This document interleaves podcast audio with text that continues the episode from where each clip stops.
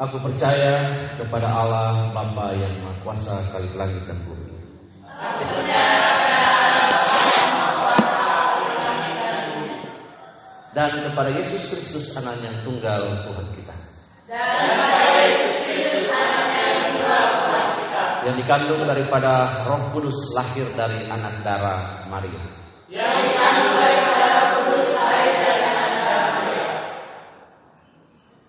Yang menderita sengsara di bawah pemerintahan Pontius Pilatus disalibkan, mati dan dikuburkan turun ke dalam kerajaan maut.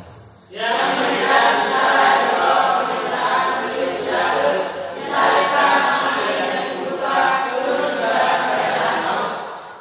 Pada hari yang ketiga bangkit pula dari antara orang mati naik ke surga, duduk di sebelah kanan Allah Bapa yang Maha Kuasa. Pada hari yang ketiga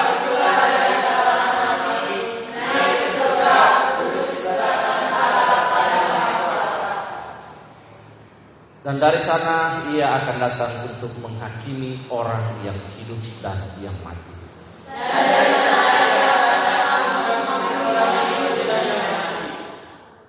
Aku percaya kepada Roh Kudus, gereja yang kudus dan am.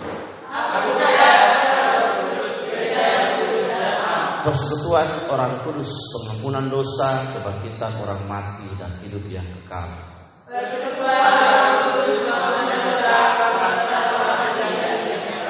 Amin. Mari kita bersyukur. Tuhan kami bersyukur untuk hari ini. Semua kami boleh datang dalam keadaan yang sehat tanpa kurang satu apa pun. Kami bersyukur atas anugerahmu sehingga kami ada di hari ini. Semuanya karena pertolonganmu. Karena engkau berkata dalam Mazmur 121 dari manakah datangnya pertolongan kami bahwa pertolongan kami datang daripada Tuhan yang sudah menjadikan langit dan bumi. Kami tahu Tuhan hari ini kami datang dengan berbagai persoalan yang kami bawa, kami hadapi dalam rumah tangga, pekerjaan, kehidupan Kristen kami dan pendidikan dalam mengikuti Engkau sebagai Tuhan dan Juru Selamat. Perjuangan-perjuangan hidup kami Tuhan untuk mencapai teosis, untuk menjadi serupa, segambar dengan Engkau dalam karakter, sifat dan perbuatan kami Tuhan setiap hari. Tolong kami apa pun yang kami datang, kami bawa hari ini pergumulan kami, kami bawa kepada Engkau. Bahkan seruan-seruan dan doa kami yang tidak dapat kami utarakan. Terima kasih Tuhan Yesus. Kami tahu bahwa pernyataan iman kami mutlak Tuhan bahwa Engkau adalah Tuhan kami. Apa pun yang terjadi dalam hidup kami tidak akan merubah mendirikan pendirian kami bahwa Engkau tetap Tuhan. Kami tidak akan murtad, kami tidak akan pahit bangku, tapi terus percaya kepada Engkau dalam berbagai situasi-situasi hidup yang kami hadapi di dalam nama Tuhan Yesus. Kiranya Engkau memberikan kemenangan dan ke kekuatan bagi kami karena Engkau berkata dalam firman-Mu, Tuhan, bahwa pencobaan-pencobaan yang kami alami adalah pencobaan biasa yang tidak melampaui kekuatan. Karena Tuhan, Engkau telah menang atas pencobaan. Karena itu Engkau akan memberikan jalan keluar dan kekuatan bagi kami. Kami tahu juga hari ini fokus ibadah kami bukan kepada pemimpin pujian, musik, penyembahan, gedung, suasana di dalam jumlah jemaat, tapi kepada pribadi Kristus Yesus yang adalah Tuhan objek dari sesembahan kami. Hari ini kami akan belajar tentang keimamatan. Berikan pengertian, Roh Kudus mengiluminasi setiap hati, roh dan pikiran kami sehingga kami dapat menangkap dan memahami dengan cara masing-masing. Kami dapat menangkap Engkau memberkati kami masing-masing dengan cara-cara yang berbeda baik audio, baik visual, bahkan mata batin kami, sehingga kami dapat menangkap firman ini, lalu kami mengaplikasikan dalam kehidupan kami. Urabi kami Tuhan, kami butuh anugerahmu. Tuhan terima kasih, kami orang berdosa ini, kami butuh anugerahmu senantiasa Tuhan. Sehingga mata batin kami dapat melihat dan mengalami engkau di dalam nama Tuhan Yesus. Berfirmanlah, ya Bapa, firman itu kami siap mendengar. Dalam nama Yesus. Amin. Silakan duduk. Tolong powerpoint kita. Mari sama-sama kita buka dari Wahyu pasal yang ke satu pasal pertama ayat yang ke-6.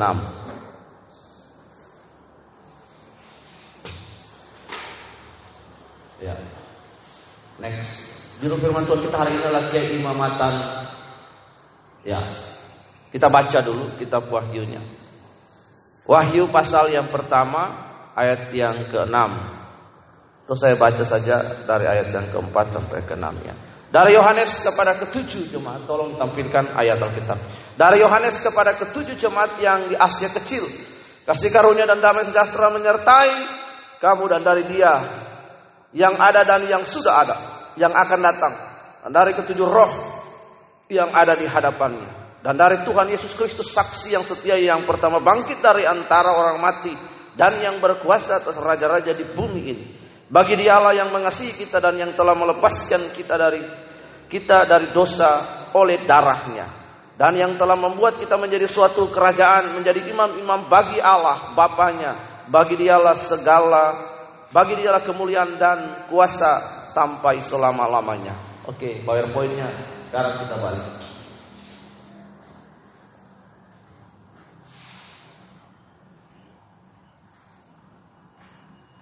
Ya yang Anda lihat di sini adalah gambaran visualisasi tentang seorang kohani, seorang Levitikus, seorang imam, imam besar dengan jubah keimamatan. Kita lihat itu. Ada the incense of fragrance, full enjoyment. Itu yang dia pegang itu adalah dupa. Kemudian Anda lihat bajunya ada kain lena itu yang putih sekali di bawah. Kemudian jubahnya itu di depannya itu ada topi imam, ada turban atau kain lain. Kemudian anda lihat yang di dadanya itu ada batu, 12 batu melambangkan 12 suku Israel yang ada di hatinya, persis di jantung hatinya imam. Ini adalah gambaran visual supaya anda dapat menangkap, memahami imam seperti apa. Ini gambaran visual seperti beginilah ribuan tahun yang lalu di Israel ketika Allah mendirikan sebuah keimamatan setelah peristiwa kalau Anda baca di Alkitab peristiwa anak lembu emas. Setelah itu Allah memisahkan satu suku yang namanya suku Lewi lalu mendirikan imam dari suku Lewi itu ada keluarga Harun yang menjadi imam mewakili bangsa Israel dan suku Lewi pada umumnya melayani dalam perjamuan dalam kemah pertemuan. Anda lihat dari gambaran visual kita dapat menangkap tentang tugas imam. Nanti kita bahas dari kepalanya itu mitre atau turban financial, topi kepala, baju efod dan lain sebagainya pada lain kesempatan. Tapi ini saya membawa pikiran supaya anda dapat membayangkan visual imam pakaian imam itu seperti apa. Next, kita lihat dulu pengertian imam. Imam atau ketua sidang dalam arti kata yang lebih luas adalah seorang yang mewakili Allah dalam urusan mengenai Allah. Bertindak sebagai pembantu Nabi Musa dalam jabatannya sebagai perantara keluaran 24 ayat 5. Kemudian pekerjaan imamat diserahkan kepada suku Lewi. Bilangan 16 ayat 40. Mengaku memangku sebagai jabatan imam besar dianggap suatu kedudukan yang paling istimewa dan penting dalam sejarah Israel. Nah, dari suku Lewi ini tadi saya bilang keimamatan beralih kepada satu suku. Ya, lihat next. Ya. Dalam terjemahan dalam kamus perjanjian baru, imam adalah sebuah jabatan dalam umat Israel yang penting peranannya. Tugasnya mempersembahkan korban, mengadakan doa syafaat dan memberi berkat. Kita lihat di sini ada tugas-tugas keimamatan ya. Yang tadi gambaran seorang imam visual itu ini tugas-tugasnya. Satu, melakukan pengawasan terhadap tempat kudus, meletakkan memindahkan roti sajian. Dalam kemah pertemuan itu ruang kudus itu ada roti 12 6 susun sebelah 6 susun di sebelah nanti kita lihat. Membakar ukupan. Memberi semangat kepada orang yang maju berperang. dalam sejarah peperangan Israel, mereka berperang, imam-imam selalu memegang peranan penting karena mereka perlu mendengarkan suara Tuhan dalam peperangan itu. Anda perhatikan ketika berperang, Daud berperang, imam-imam selalu maju. Yosua memasuki uh, tanah kanan menyeberang sungai Yordan, imam di depan. Ketika mereka menginjakan kaki air ring. Anda lihat juga Yosua mengalahkan apa kota Yeriho dikelilingi dengan para imam yang meniup sangkakala atau sofar memelihara api suci di Mesbah supaya tidak padam. Nah lihat dari itu jabatan pekerjaan jabatan seorang imam tugasnya dia the daily serving to God. Lihat dia memelihara semua dilakukan day by day sebagai seorang imam dari hari lepas hari setiap hari as a representative of God. Jadi zaman dulu orang mau berurusan dengan Allah melalui para imam. Dia mau mengaku dosa, dia datang dia bawa korban penghapus dosa kepada imam. Imam meletakkan tangan atas kambing atau binatang itu dosa binatang dosa manusia pada zaman itu ditimpahkan kepada binatang itu disembeli. Nah, demikian. Jadi orang berurusan dengan Allah mewakili imam pada waktu itu. Ya, next. Kemudian memberkati orang dalam bilangan. Tuhan memberkatimu dan melindungimu mempersembahkan hasil tanah pertama, mempersembahkan korban, memutuskan perkara perselisihan. Jadi ada perkara-perkara rohani di antara orang Israel. Waktu itu masih ada pemerintahan yang disebut pemerintahan teokratis. Nah, Allah menyatakan kehendak, Allah menyatakan putusan melalui para imam waktu itu, melalui Musa, melalui Harun. Lihat, mengajarkan hukum-hukum Nah, para imam itu mengajarkan hukum Torah. Hukum Torah peraturan cinta kepada Allah itu kepada Israel karena pusat kehidupan orang Israel itu terletak pada pribadi Allah, the personality of God waktu itu. Semua yang mereka lakukan terminologinya di pikiran, di hati, di semua aktivitas yang mereka lakukan dari a God, ada Allah. Harus Allah ada kehadiran Allah di dalam itu. Jadi semua ruang lingkup apa pun yang mereka lakukan Allah hadir. Nah, lihat di sini. Mengajarkan hukum, mengangkat tabut perjanjian. Anda perhatikan dalam uh, mengangkat perjanjian ini kalau Anda baca Daud mengangkat tabut perjanjian keluar dari tempatnya Obed Edom yang di mana tabut tersimpan ada dua orang yang meninggal. Peres Usa di situ perutnya terbelah karena dia menjama baik menjama tabut memegang tabut perjanjian sebagai representatif kehadiran Allah di tengah-tengah umat Israel. Nah lihat untuk memutuskan perkara perselisihan Anda perhatikan perkara Korah datang dan Abiram yang memberontak kepada kepemimpinan leadership dari Musa akhirnya dia mengalami kematian dengan uh, orang-orang yang mengikutinya. Next. Ya, menilai barang-barang yang dipersembahkan, menyalakan lampu di ruang kudus, itu lampstand tujuh, lampu itu meniup nafir yang sopar pada waktu-waktu tertentu Salah satunya adalah disebut Yom Teruah. Panggilan ini juga panggilan kepada peperangan, panggilan kepada pertobatan. Nah, itu the calling of repentance itu tugas seorang imam. Menyucikan orang yang najis. Kemudian sebelum berangkat melindungi barang-barang dalam kemah suci. Itu tugas-tugas jabatan seorang imam. Next. Ya. Nah, ini visualisasi lagi Anda membayangkan kembali lagi seorang imam. Next. Ya, ini lagi visualisasi bagaimana seorang imam dengan official Carmen jubah keimamatan dan dalam jubah biasa ketika dia melayani perhatikan di situ. Kalau di Bali kita kenal pakaian adat, ada yang biasa, ada adat media, ada yang resmi sekali. Next. Ini tugasnya mereka, visualisasi lagi tugas mereka di hadapan Allah ini dalam kemah pertemuan ini salah satunya mesbah kalian.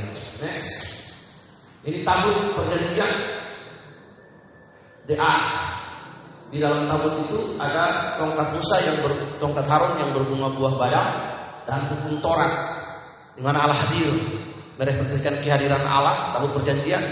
Kemudian ada dia tutup pentas perjanjian itu ada keruk tidak ada seorang pun yang dapat melihat Allah secara fisik. Mata jasmani. Karena Allah begitu kudus. Lihat, tidak ada kekudusan yang dapat dikerjakan oleh manusia sehingga tidak dapat melihat Allah. Musa yang begitu dekat dengan Allah pun dia hanya dapat melihat the shadow of God, bayangan daripada Allah ketika Allah lewat di depannya. Lihat. Jadi kita dapat memahami berjumpa dengan Allah melalui pribadi Kristus Yesus. Lihat. Next. Ini adalah barang-barang di tabut perjanjian. Kita lihat ada lampu yang dinyalakan. Ada ark atau tabut perjanjian. Kemudian ada bencana pembasuhan, ada pembakaran kupon, ada meja roti. Nanti kita lihat the furniture of the tabernacle. Next. Nah, ada lihat yang di bajunya tadi salah satunya ini. Yang di baju Musa yang disebut baju efod itu kita bisa baca. Itu adalah 12 suku Israel yang ada di hati mengingatkan mereka sebagai the chosen one, the chosen tribes, the chosen people. Tuhan memilih mereka. Dalam kedaulatan Allah, Allah memilih mereka dari semua suku bangsa yang ada, menetapkan mereka. Dia pertama memanggil Sem. Kemudian dari Sem itulah Abraham, Abraham kepada anak cucu Ishak dan Yakub dan akhirnya kepada Israel, mengingat mereka sebagai bangsa umat pilihan Allah dari kekal sampai kepada kekal. Next. Ini prosedur masuk di kiri kanan ada Yuda di depan, Leon di kiri. Kenapa Yehuda duduk di posisi depan, suku Yehuda? Karena Kristus berasal dari suku Yehuda, semua orang. Tuhan berkata tidak seorang pun datang kepada Bapa tanpa melalui melalui Itu berbicara simbolis tentang Kristus. Dia ada di pintu gerbang. Nah itu ya. Kemudian di kanan ada Isakar dan Sebulon, ada Sion, ada Naftali, Asyir, Manasir, Efraim, Benjamin, Gad, dan Ruben. Itu posisi mereka. Ada country di situ. Masuk ada pelataran, kemudian ada ruang kudus dan belakang ruang maha kudus dekat tenang. Ya, next. Nah ini seorang imam. Yang masuk ke dalam ruangan ini hanya imam besar satu kali satu tahun, seperti bapaknya Yohanes Pembaptis Sakaria. Satu tahun sekali dia masuk untuk mempersembahkan di hadapan Allah. Tidak ada boleh orang yang lain. Jadi dia masuk ada jenang di kakinya, green. Kalau dia masuk dia tidak kudus. Kekudusan pada zaman perjanjian lama ditandai dengan kekudusan secara jasmani. Tindakan yang tidak kudus bisa membunuh imam pada waktu itu. Jadi Harun punya anak ada empat Eliasar, kemudian Nadab, kemudian Abihu, kemudian Itamar. Dua kakak yang di tengah ini, Nadab dan Abihu mati di bait Allah, api sabar dari langit. Api Allah kasih mati mereka. Yang sisa dua keturunan imam cuman Itamar dan Phineas mereka bergantian memimpin dalam sejarah Israel. Jadi hanya seorang seperti begini. Berbicara tentang ruang maha kudus.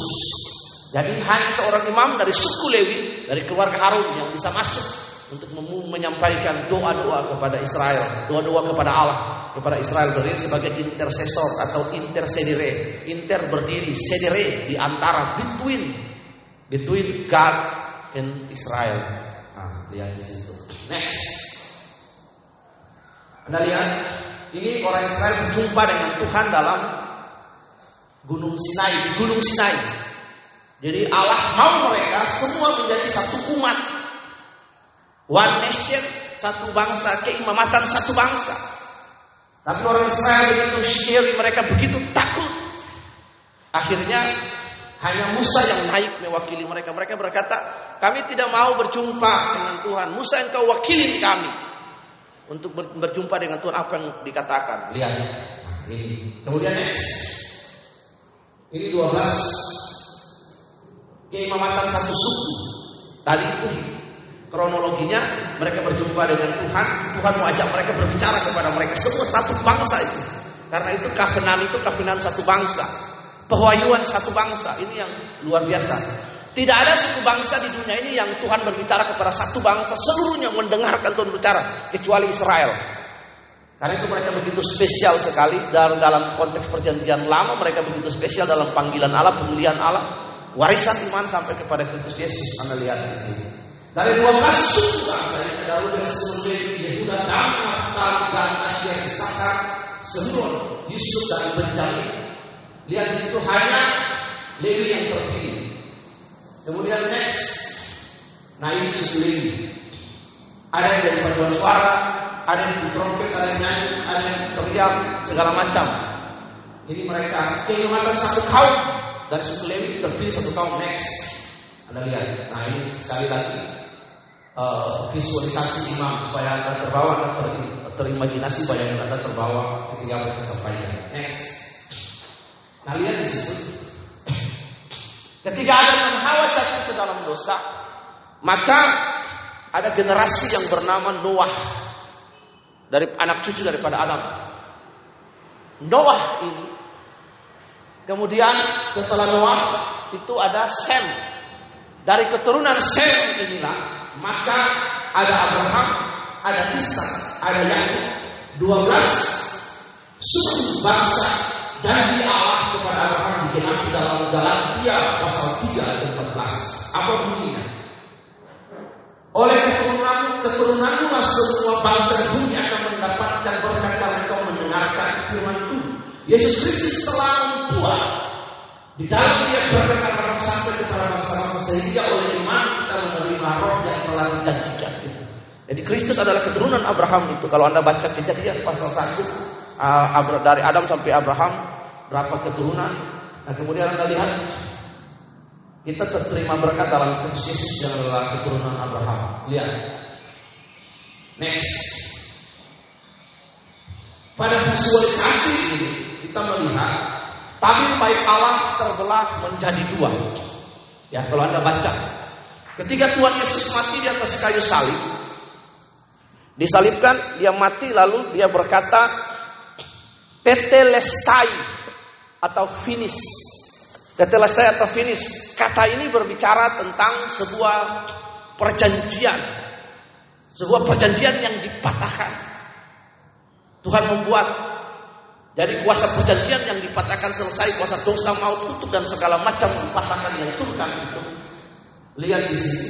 Artinya kebenaran perjanjian lama garis keimamatan Harun itu berhenti. Ya, supaya kita mengerti dulu. Garis keimamatan Harun yang ribuan tahun itu berhenti. Orang tidak lagi menyembah Yesus, mau persembahkan kambing, domba, ritual. Tapi hanya melalui Kristus Yesus semua orang dapat datang kepada Allah. Itulah sebabnya Petrus 1 Petrus pasal 2 ayat 9 berkata, "Tapi kamulah bangsa yang terpilih, imamat yang rajani, umat kepunyaan Allah." Semua kita menjadi para imam di hadapan Semua kita dapat menaikkan syafaat. Semua kita adalah pelayan pendamaian. Semua kita dapat menaikkan doa. Semua kita dapat belajar untuk memberi kepada orang lain, mengorbankan kepada orang lain. Ini adalah the function of Kohanim, Nah, of preach. Nah itu yang harus kita pahami. Jadi ketika zamannya Tuhan Yesus, eranya Tuhan Yesus itu baik Allah masih ada, keimamatan juga masih ada. Tapi tanda, kenapa tabir? Tabir baik Allah ini, lihat, memisahkan antara ruang kudus dan ruang maha kudus. Tadi kita lihat the function of Aaron priest. Lihat di situ fungsinya mempersembahkan korban satu kali satu tahun dia masuk ke dalam ruangan maha kudus mewakili umat dan mempersembahkan doa-doa syafaat kepada Allah. Perhatikan, lihat. Tadi baik Allah terbelah menjadi dua. Ini menjadi sebuah tanda, sebuah simbol, sebuah simbolis keimamatan daripada Harun Imam Lewi itu ber, berakhir di situ.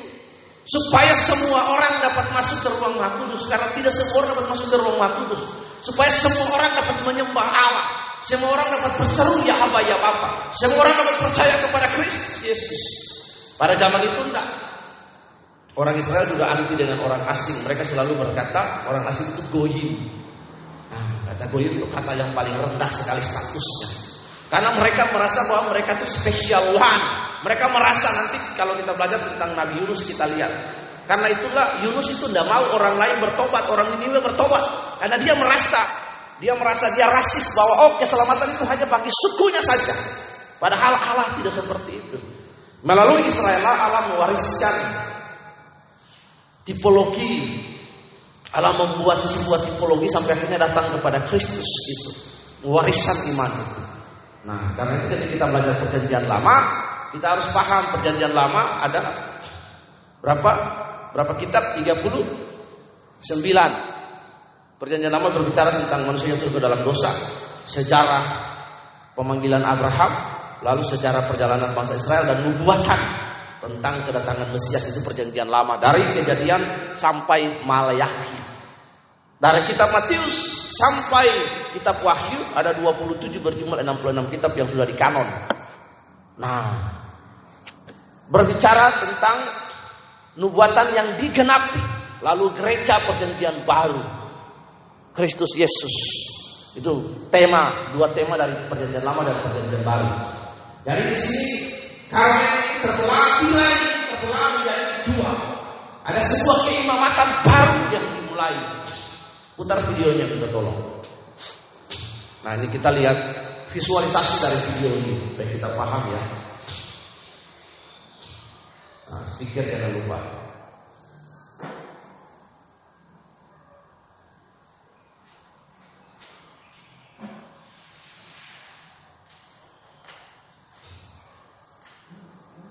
Ya, ini kasih minimize.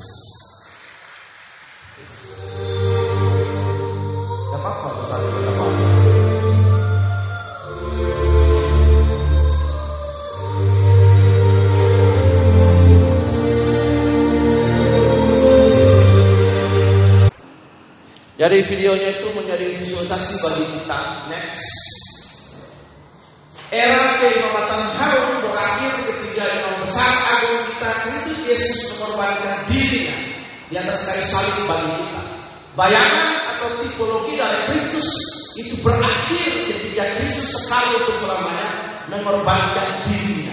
Selanjutnya keimamatan kita adalah keimamatan Kristus Yesus karena itu kita baca lagi sekali dalam Wahyu 1 ayat 6 baru di dalam 1 Petrus 2 ayat 9. Dan yang telah membuat kita menjadi suatu kerajaan, menjadi imam-imam bagi Allah, Bapaknya, bagi dialah kemuliaan dan kuasa sampai selama-lamanya. Kita dapat membaca juga yang baca Alkitab, bawa Alkitab buka 1 Petrus pasal 2 ayat yang ke-9. Di situ Alkitab berkata, tetapi kamulah bangsa yang terpilih, imamat yang rajani, bangsa yang kudus, umat kepunyaan Allah sendiri, supaya kamu memberitakan perbuatan-perbuatan yang besar dari Dia yang telah memanggil kamu keluar dari kegelapan kepada terangnya yang ajaib. Kamu yang dahulu bukan umat Allah, tetapi yang sekarang menjadi umatnya, yang dahulu tidak dikasihi, tetapi yang sekarang telah beroleh belas kasihan. Next. Nah lihat di situ, lihat keimamatannya Harun berakhir. Harun yang setiap tahun every year bahkan harus mempersembahkan domba, domba merah biasanya satu tahun sekali ya dipersembahkan. Kristus menjadi anak domba satu kali, once and forevermore. Untuk selamanya. Sampai kekekalan Kristus mati menjadi anak domba aku. Bagi kita mempersembahkan dirinya bagi kita, nyawanya, darahnya bagi kita, to save us, menyelamatkan kita dari sakit penyakit, menyelamatkan kita dari penghukuman, menyelamatkan kita dari kematian. Dari kematian pada kekekalan nanti karena kita akan menghakimi, akan dihakimi dulu. Kematian yang kedua, lihat di situ. Kita mati secara jasmani di sini, tapi nanti ada kematian yang berikut yang kita akan alami. Lihat. Next. Apa rahasianya? Nah, the secret. Next. Imam dalam perjanjian baru adalah menurut peraturan Melkisedek. Ini rahasianya bagi kita. Kita perhatikan. Ini yang paling penting. Anda perhatikan saya jelasin. Imamat dalam perjanjian baru adalah menurut peraturan Melkisedek, bukan imamat Harun. Keimamatan Harun hanya bagi suku Lewi. Ya dia dipilih setelah peristiwa anak lembu emas. Setelah itu dari suku Lewi keluarga Harun yang terpilih. Nah Harun dan anak-anaknya empat anaknya Eleazar, Nadab, Abihu dan Itamar. Nah, perhatikan ya. Lalu berakhir setelah tabir bait Allah itu terbelah menjadi dua. Keimamatan Harun berhenti sampai di situ karena Kristus Allah memulai sebuah keimamatan baru di dalam Kristus Yesus Anda lihat. Karena itu keimamatan kita adalah keimamatan Melkisedek. Siapa itu Melkisedek adalah keimamatan perdana adalah lambang keimamatan kekekalan saudara lihat. Kejadian kejadian 14 14 berkata Melkisedek adalah raja Salem.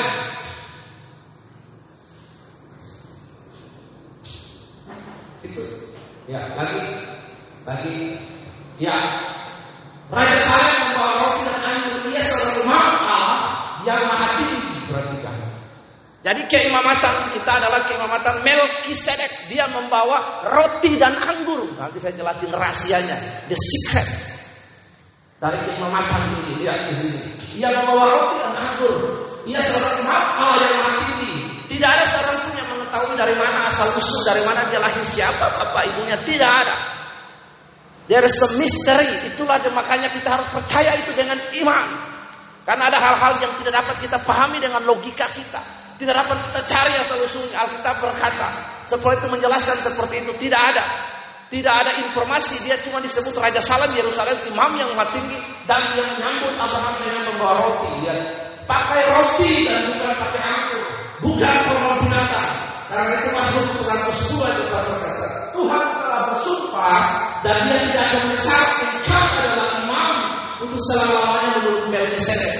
Ibrahim berkata, sebagaimana firman dalam suatu nas yang lain, engkau adalah imam selama-lamanya menurut peraturan Melkisedek. Ibrahim mengutip dalam Mazmur 102 tempat di mana Yesus telah masuk sebagai perintis kita ketika dia menurut peraturan Melkisedek menjadi imam besar sampai selama-lamanya. Kenapa ada dua generasi imam? Yang perhatikan. Ketika Adam dan Hawa jatuh manusia berusaha kehilangan kemuliaan Allah, Allah memakai memilih orang-orang untuk maksud dan rencana dan tujuannya. Karena itu Allah memanggil Abraham dari Abraham keturunan Sem ini dari Abraham sampai kepada Israel dia membangun sebuah keimamatan. Keimamatan dari garis keturunan Harun untuk memelihara warisan iman yang akan Allah ajarkan kepada mereka yang nantinya lewat keimamatan itu seluruh bangsa diberkati. Lihat itu. Nah, keimamatan itu kan janji. The privacy must be fulfilled. Janji nubuatan itu harus digenapi sebelum janji itu digenapi. Itu dilakukan sampai kepada Tuhan Yesus mati di atas kayu salib. Tabir bait Allah itu berhenti, maka kafanan itu putus sampai di situ. Berhenti sampai di situ.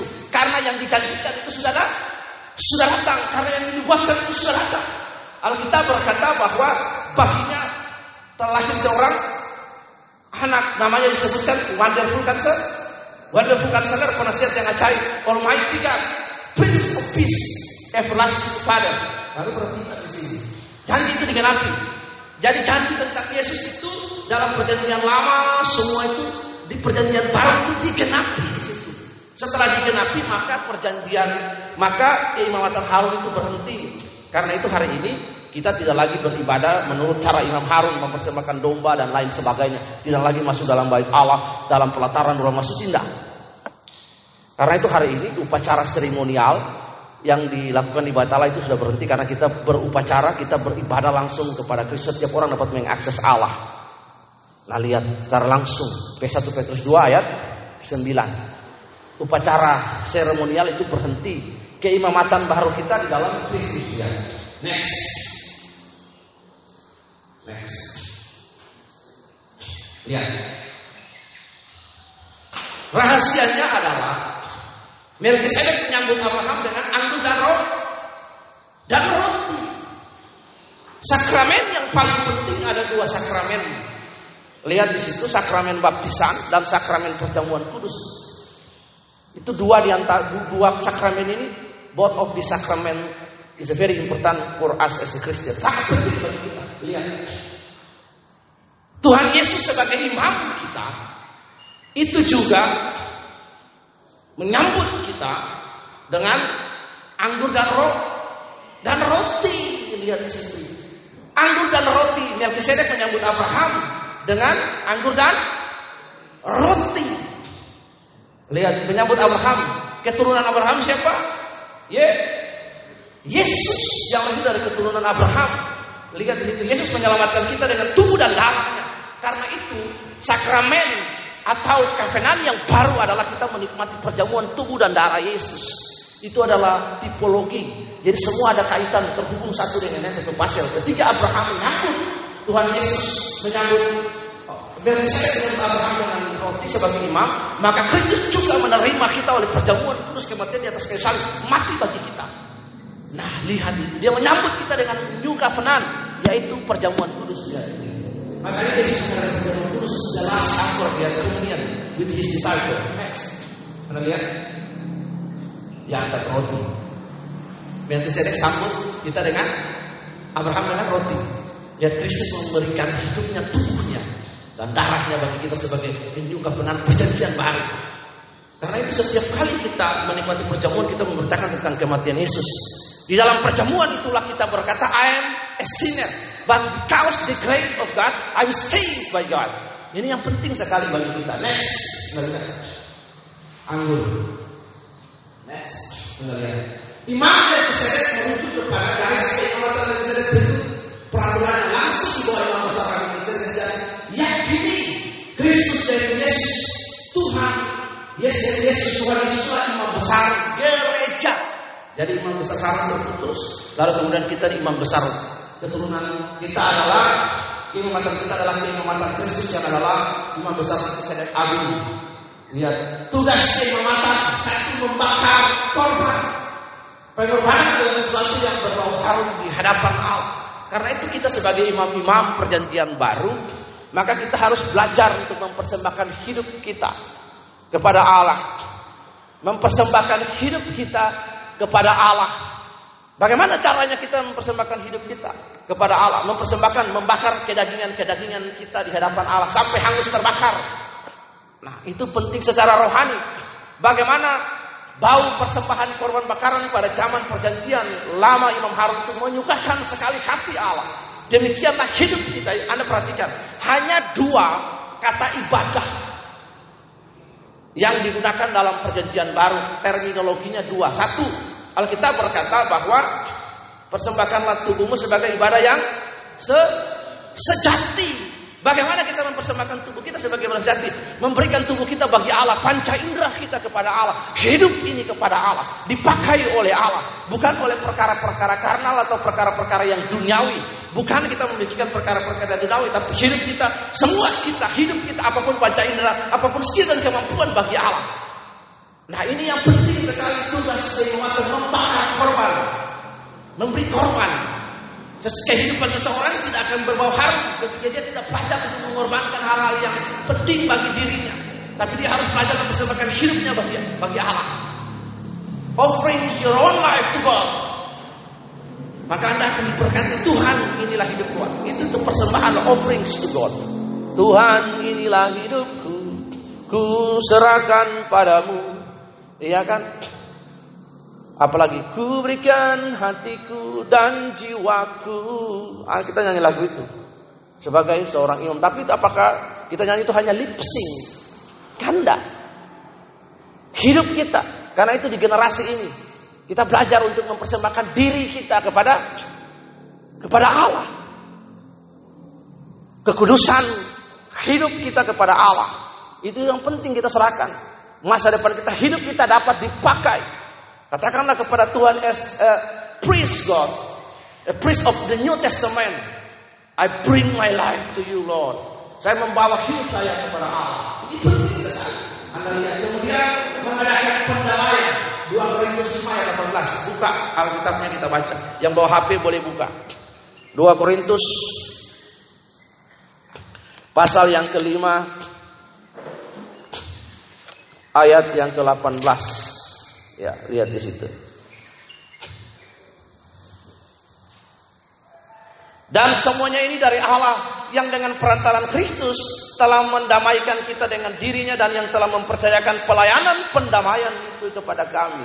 Karena itu sebagai orang Kristen, lihat, kita harus hidup dalam situasi keseharian kita dengan sifat yang namanya peacemaker. Seorang imam itu dia suka berdamai dengan orang orang lain suka berdamai, suka mengalah, lebih menjadi mediator bagi orang lain. Dia berdamai tidak mencari perkara dengan orang lain.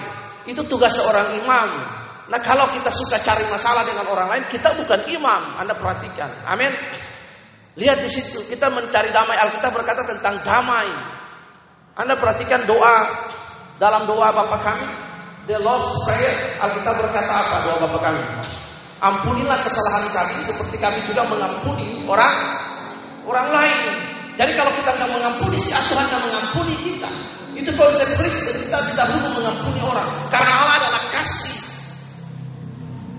Ini yang penting bagi kita mengadakan pendamaian pelayanan kita pelayanan pendamaian karena itu Kristen itu identik dengan kasih dengan peace berdamai itu yang penting itu the heart of priest hati daripada imam dia berdamai Kenapa demikian? Alkitab berkata, jikalau Injil berkata, Yesus berkata, jikalau ada sesuatu barang dalam hatimu yang engkau buat terhadap sesamamu, lalu engkau datang dan berdoa, Tuhan lebih memilih mana? Tuhan lebih menyuruh kepada kita untuk pergi dan menyelesaikan dengan orang lain.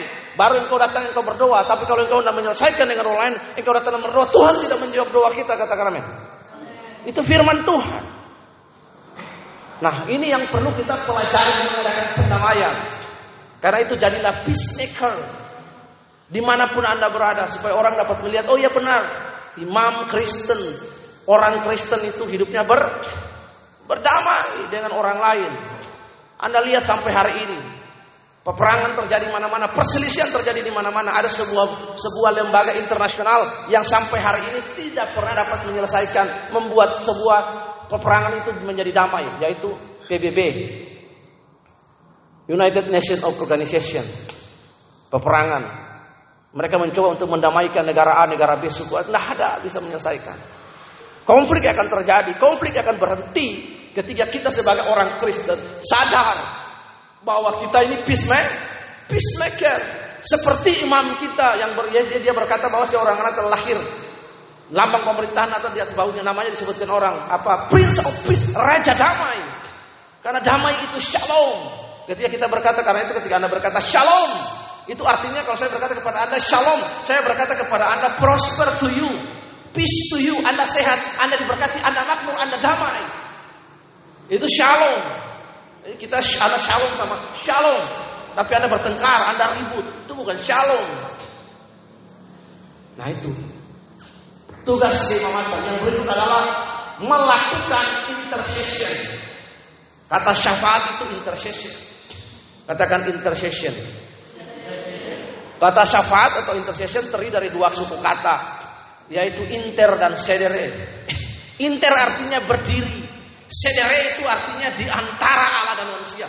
Jadi tugas seorang pendoa syafaat itu dia berdiri mewakili manusia di hadapan Allah. Pendoa syafaat yang pertama melakukan intercedere adalah Abraham. Anda perhatikan kalau Anda baca kisah Lot. Iya kan?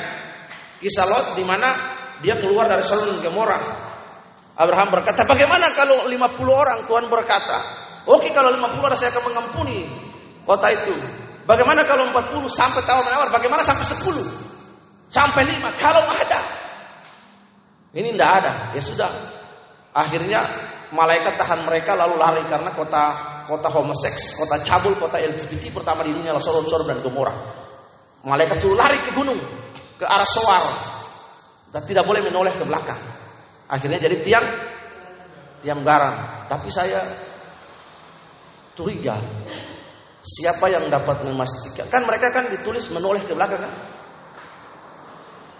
Lot dan anak dua anak istrinya kan tidak boleh menoleh ke belakang kan? Hanya istri Lot menoleh ke belakang. Nah, karena itu di antara mereka bertiga siapa yang memastikan bahwa istri Lot jadi tiang garam? Paham ya?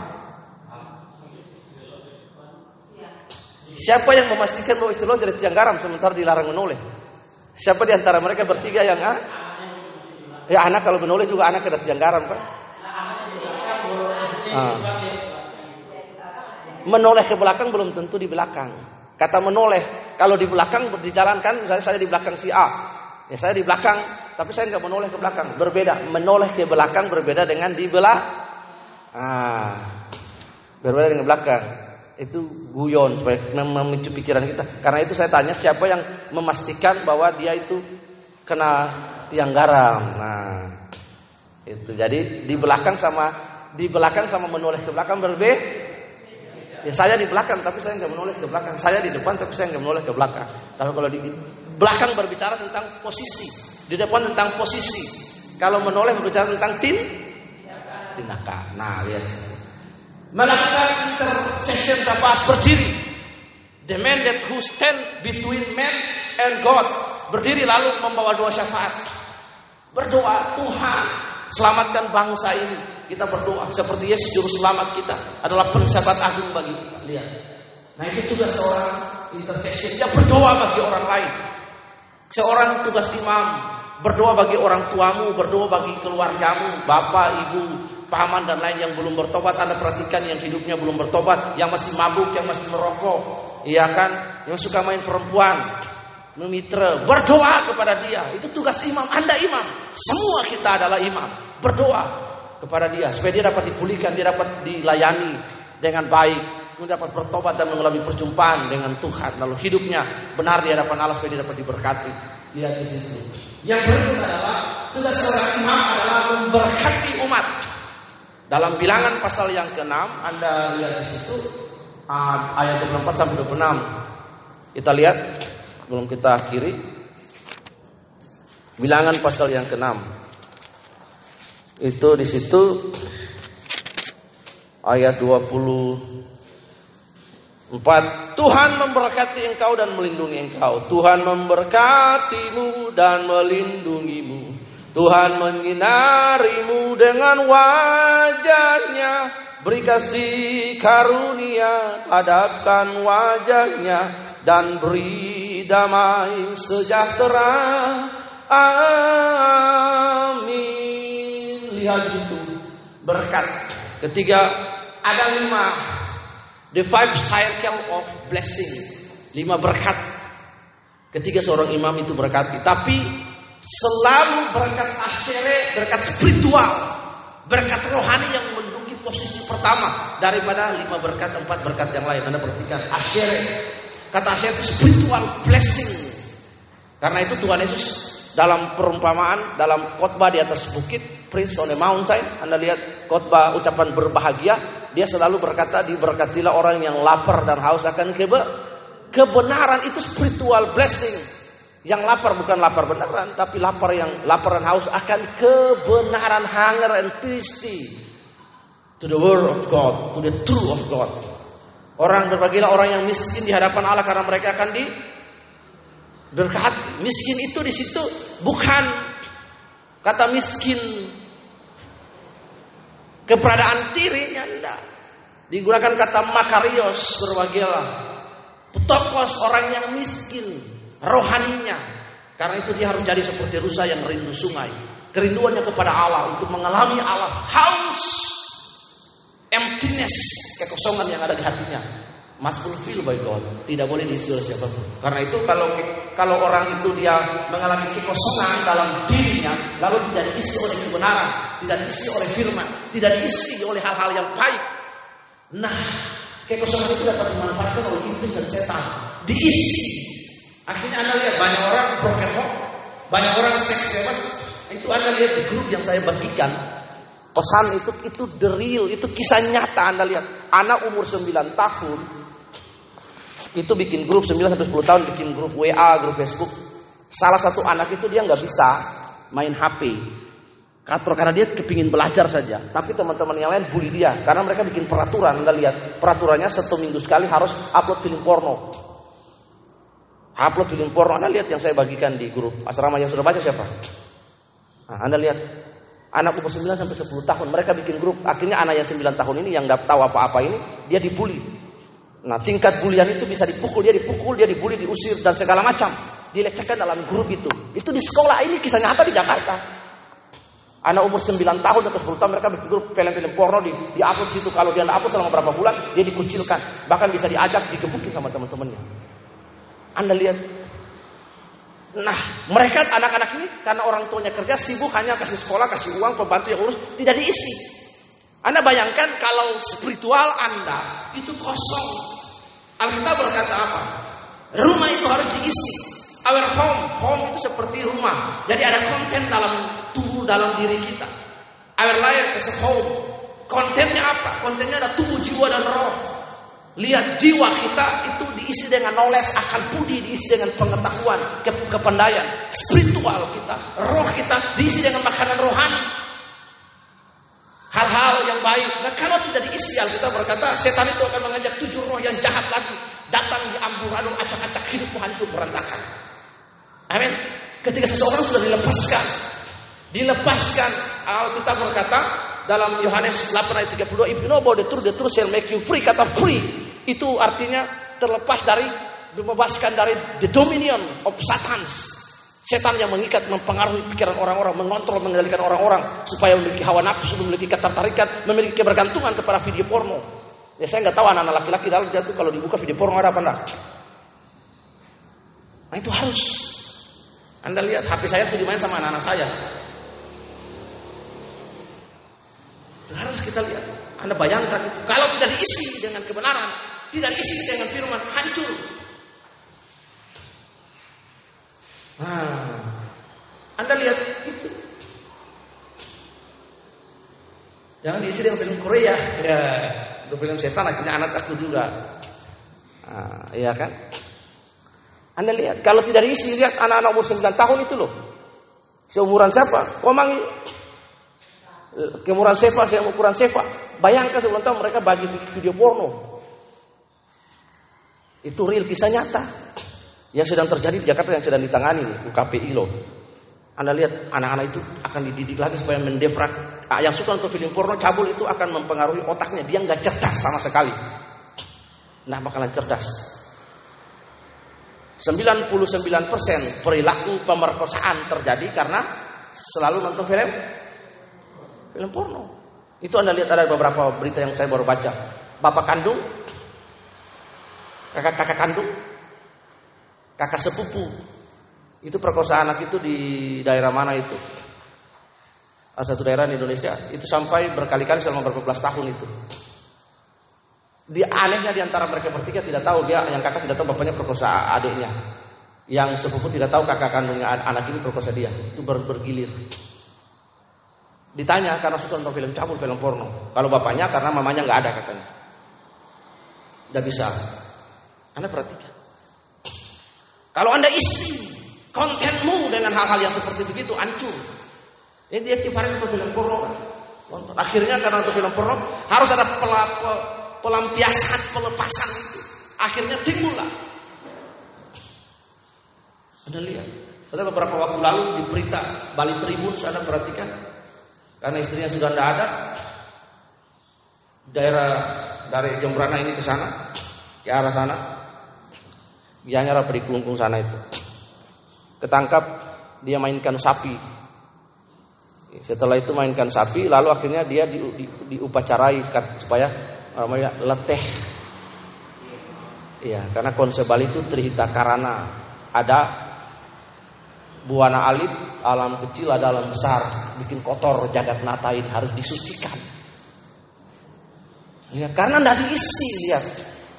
Jadi kalau kita tidak mengisi konten, ini kan hidup kita karena tubuh ada jiwa roh, roh diisi dengan makanan rohani. Anda kasih makan anjing DP lebih banyak banyak banyak DP besar gemuk, iya kan? Moli kecil begitu, moli datang ke makannya, moli itu sungkan, iya kan? Ya realita. Moli satu kali kapan moli? Hmm. Jalan. Akhirnya dia melahirkan sana digorong-gorong sana. Fakta kan? Kayak Tibor kasih makan moli juga jangan DP saja. Tibor beli kasih juga ini. Nah, DP aja yang dikasih makan terus. Tibor support terus nasi banyak-banyak di ember ya kan. Moli tidak pernah. Ah saya tidak suka sama moli kata. Ah. Padahal moli itu hebat juga. Tujuh kali, tiga puluh lima kali digebukin, dibuang sana sini, kembali lagi. Nah, karena itu isilah, kembali lagi isi. Isilah hidup ini pikiran dengan hal-hal yang baik, hidupmu dengan hal-hal yang baik dan benar. Kalau anda tiap hari isi begitu, apa? Karena itu Firman berkata apa yang anda tabur, yang anda tuh, anda tuai. Lihat, memberikan iman asyir dan Tuhan. Nah, nanti baru gapok, itu berkat-berkat jasmani itu semua yang empat di belakang. Kalau yang spiritual dulu ada, kalau yang rohani itu ada yang asyere. Itulah sebabnya Alkitab berkata, carilah dahulu kerajaan Allah dan keber kebenarannya. Everything will be added into your life. Mari kita berdoa.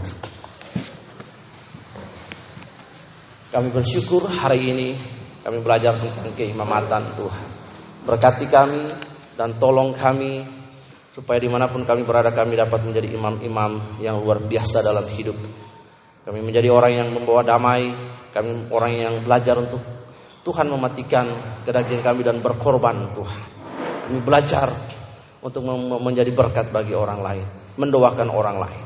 Terima kasih Tuhan biarlah kebenaran ini memerdekakan kami.